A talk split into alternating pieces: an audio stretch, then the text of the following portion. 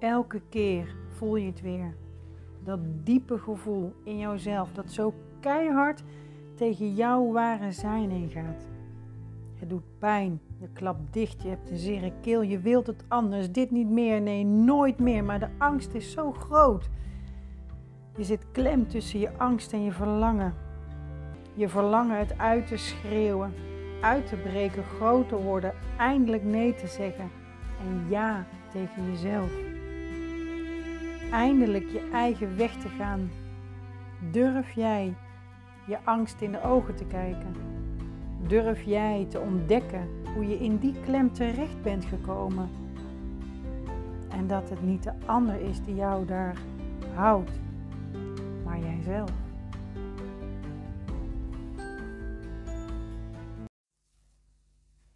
Aanpassen is eigenlijk niks anders dan een patroon. Een patroon dat jij ontwikkeld hebt. Een overlevingsmechanisme, een strategie die je inzet op momenten dat het voor jou ingewikkeld of moeilijk wordt. En zo'n patroon is ontstaan in jouw vroegste kindertijd. Dat kan al beginnen tijdens de zwangerschap en je geboorte, maar daar ga ik een andere podcast een keer veel meer over vertellen. En de eerste tien jaar van jouw leven. In die tien jaar bouw jij jouw patronen op, ontwikkel jij jouw mechanismen. Want wanneer je nou iets meemaakt als kind wat te groot is, en voor een kind is iets al heel gauw te groot, dan is het nodig dat jij je gaat beschermen. Dat, dat, is een, um, dat is iets wat in ons systeem zit, dat doen we als vanzelf. Je zou dus kunnen zeggen dat je vanuit je onderbewuste een mechanisme ontwikkelt.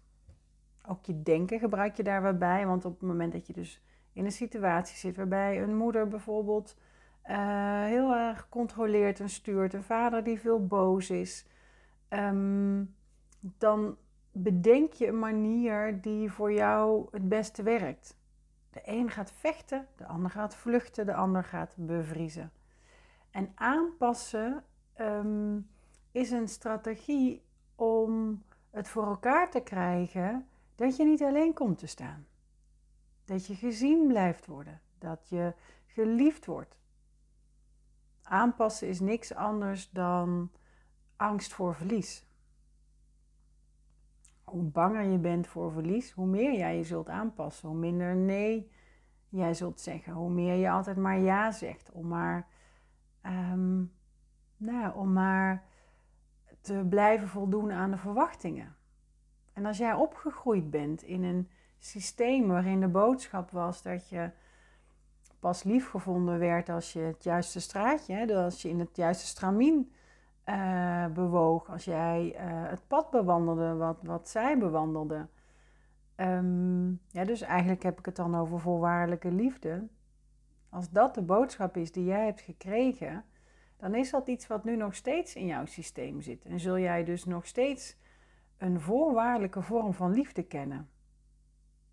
En als je ouder bent, is dat eh, inmiddels ook een voorwaardelijke vorm van liefde naar jezelf. Je zult dus heel streng zijn naar jezelf. Je zult niet gauw iets goed vinden. Of je moet eerst dit en dan mag je pas dat. Of eerst zus en dan pas zo.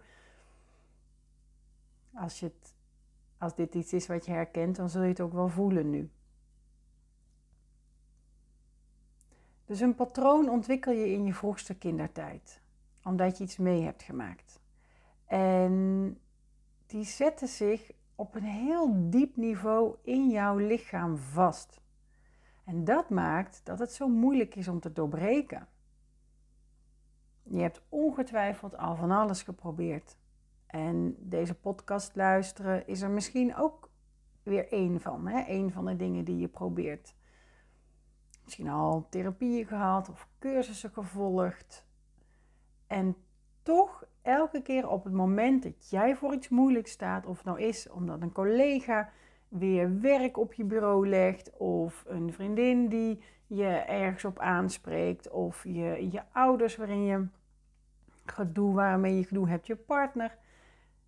Toch merk je dus dat je elke keer weer hetzelfde doet. En al neem jij het je nog zo goed voor, hè? Je kan de avond van tevoren kun je het helemaal uitschrijven voor jezelf. Dit ga ik zeggen, zo ga ik het doen en ik doe nooit meer dit. En toch elke keer weer doe je het gewoon. En I know, het is zo frustrerend. Je gaat erbij aan jezelf twijfelen, je wordt boos, je gaat je machteloos voelen. Eigenlijk kom je daardoor weer steeds dieper terug in die pijn van vroeger. Want dat is wat er gebeurt in het heden. Triggert iemand bij jou de pijn van vroeger? Het gaat dus eigenlijk nooit om die ander. Maar altijd over van wat wordt er bij jou geraakt? En omdat die pijn nog zo in jouw systeem zit, zet je dus ter plekke die strategie in die je toen als kind ontwikkeld hebt. En die was toen heel helpend. Alleen nu, het hier en nu, kom jij er steeds meer achter dat het niet werkt. Want je krijgt ruzie of, um, of je krijgt ruzie met iemand anders of je krijgt ruzie met jezelf omdat je dichtklapt en niet doet wat je eigenlijk wil. Dus steeds weer voelt dat je jezelf tekort doet. Jij weer aan het kortste eind trekt. Dus je komt in een. Oh, hoe, hoe zou ik dat uitleggen? Je, je, je komt in een. Ah, nou dit hè.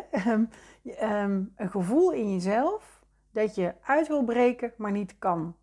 Dus dat, dat is ontzettend frustrerend. Um, en die hardnekkigheid, um, die wordt ook gevoed door jouw overtuigingen. Ik ben het toch niet waard. Ik ben toch niet goed genoeg. De ander is toch beter. Ik kan het toch niet. Nou, dus dat bij elkaar maakt dat het zo ontzettend hardnekkig is om het te breken. Zeker wanneer het uh, om geboortepatronen gaan. Die zijn het meest diep uh, en hardnekkig.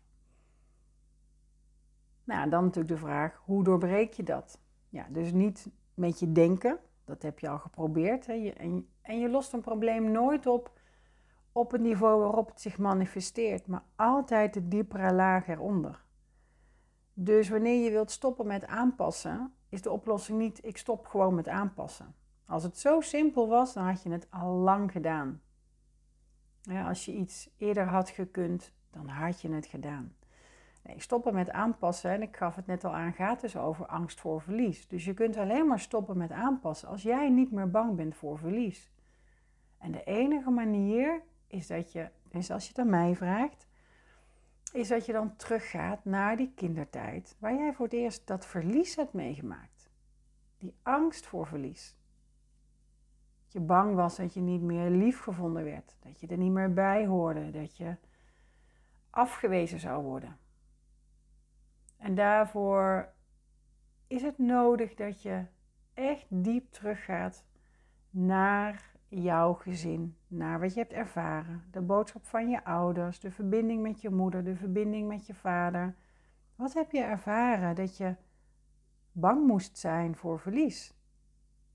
Wat speelde er in jullie gezin dat er een voorwaardelijke vorm van liefde was, in plaats van een onvoorwaardelijke? De antwoorden die je daar dan vindt, die je dus op deze vragen vindt voor jezelf, die zijn belangrijk. Daar, dat is het niveau waarop jij die patronen kan gaan doorbreken.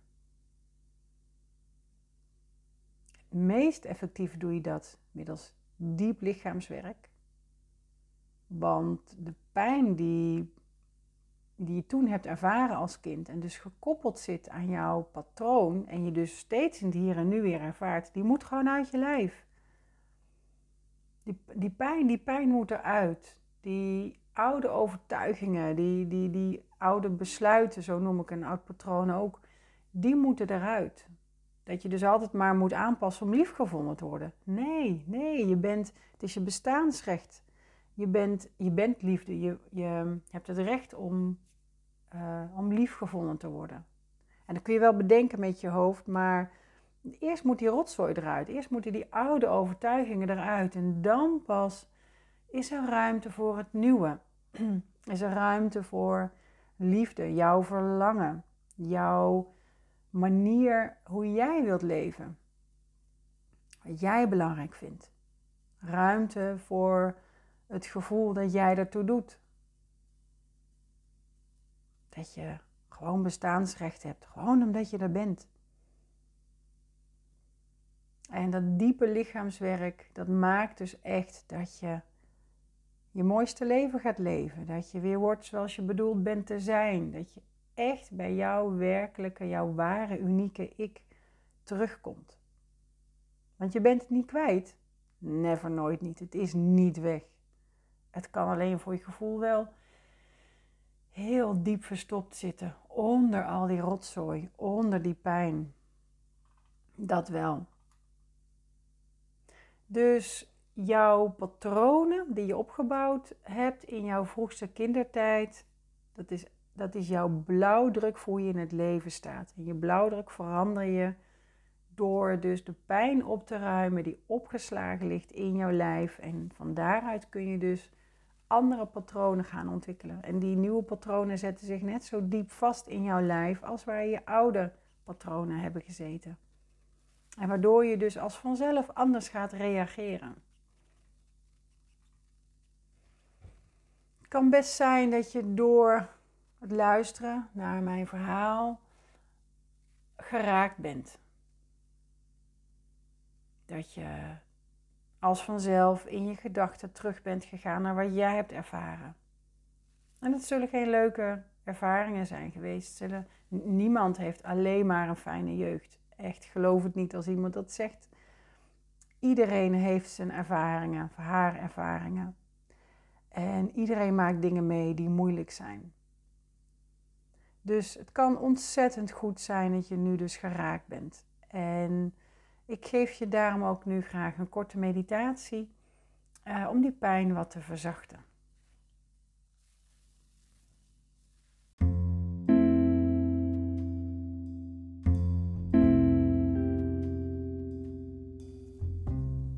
Ik wil je uitnodigen om rustig te gaan zitten of liggen, als je dat niet al deed.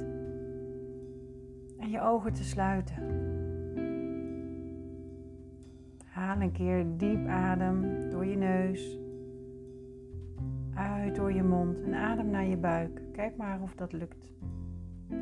Misschien heb je een aantal keer ademhaling nodig voordat je bij je buik uitkomt. Altijd goed, neem je tijd. Je doet het op jouw tempo.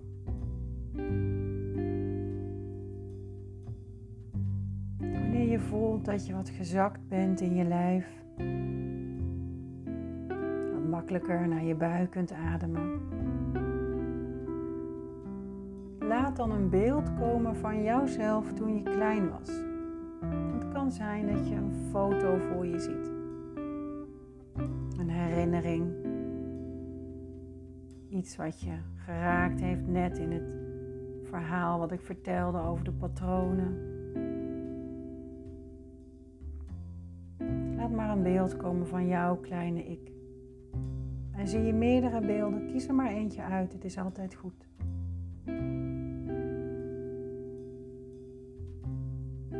En wanneer je jouw ik voor je ziet,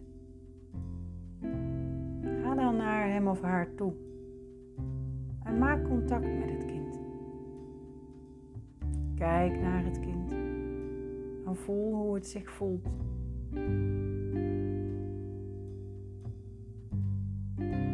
Beeld dat je opgeroepen hebt hoort bij het patroon dat je ontwikkeld hebt. Ik wil je uitnodigen om te gaan voelen hoe moeilijk het voor het kind was, hoe moeilijk het voor jou was toen je klein was om het patroon te moeten bedenken, dat oude besluit. Wat het met je heeft gedaan.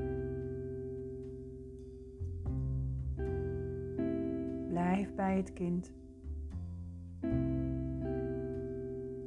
En het enige wat je hoeft te doen nu is te voelen.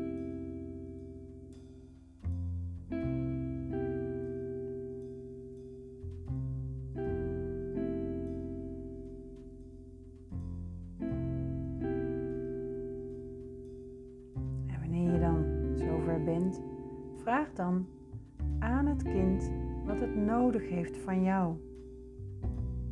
Vraag maar wat jij voor hem of haar kan doen. En dat zal iets zijn wat het kind al die tijd al gemist heeft. vroeger, toen het klein was, nu. En je krijgt altijd antwoord. Neem je tijd.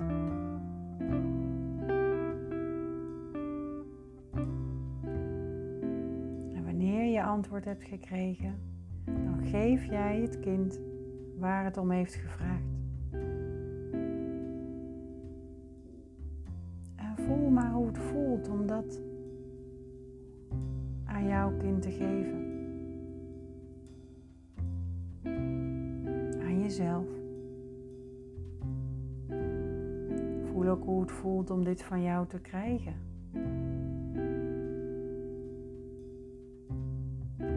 Neem hier de tijd voor die je samen nodig hebt. En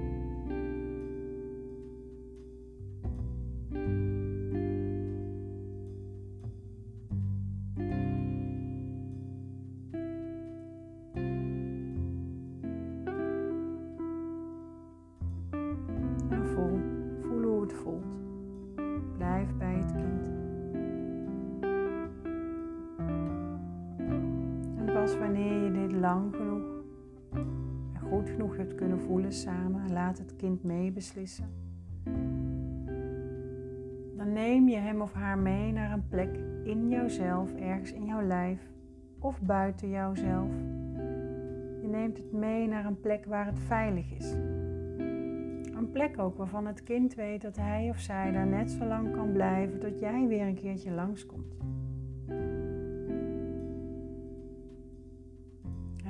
Daar beland bent samen, dan voel je hoe het is om daar samen te zijn. Jij met het kind.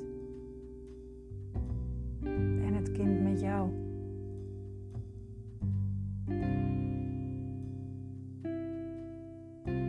Neem ook hier weer de tijd die jullie samen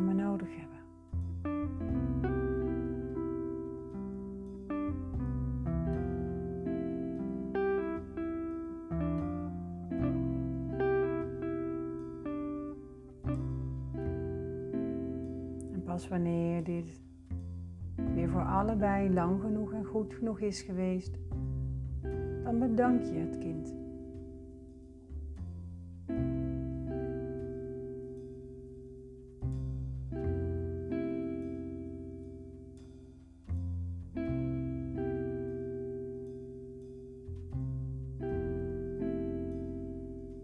En wanneer jij zover bent, dan kom je weer terug naar het hier en nu.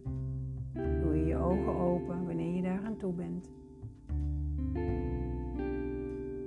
En kom je weer helemaal terug in het hier en nu.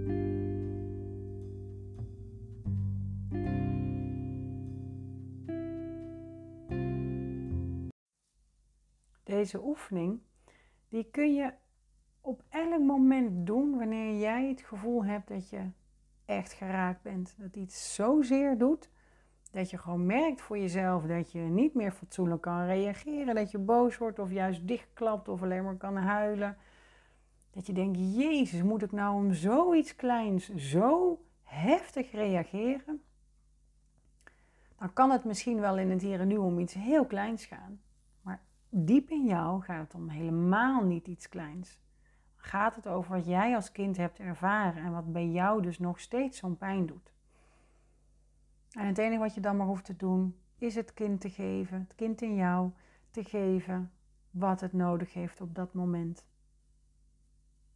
Een beetje licht, liefde en aandacht. Dus op het moment dat je op het punt staat om je partner te gaan verwijten, om in een uh, agressie terecht te komen waarvan je weet, oh, dit gaat weer zo'n ellende worden, trek je terug en doe deze oefening. Hij staat ook op mijn website, dan kun je hem als audio kun je hem downloaden.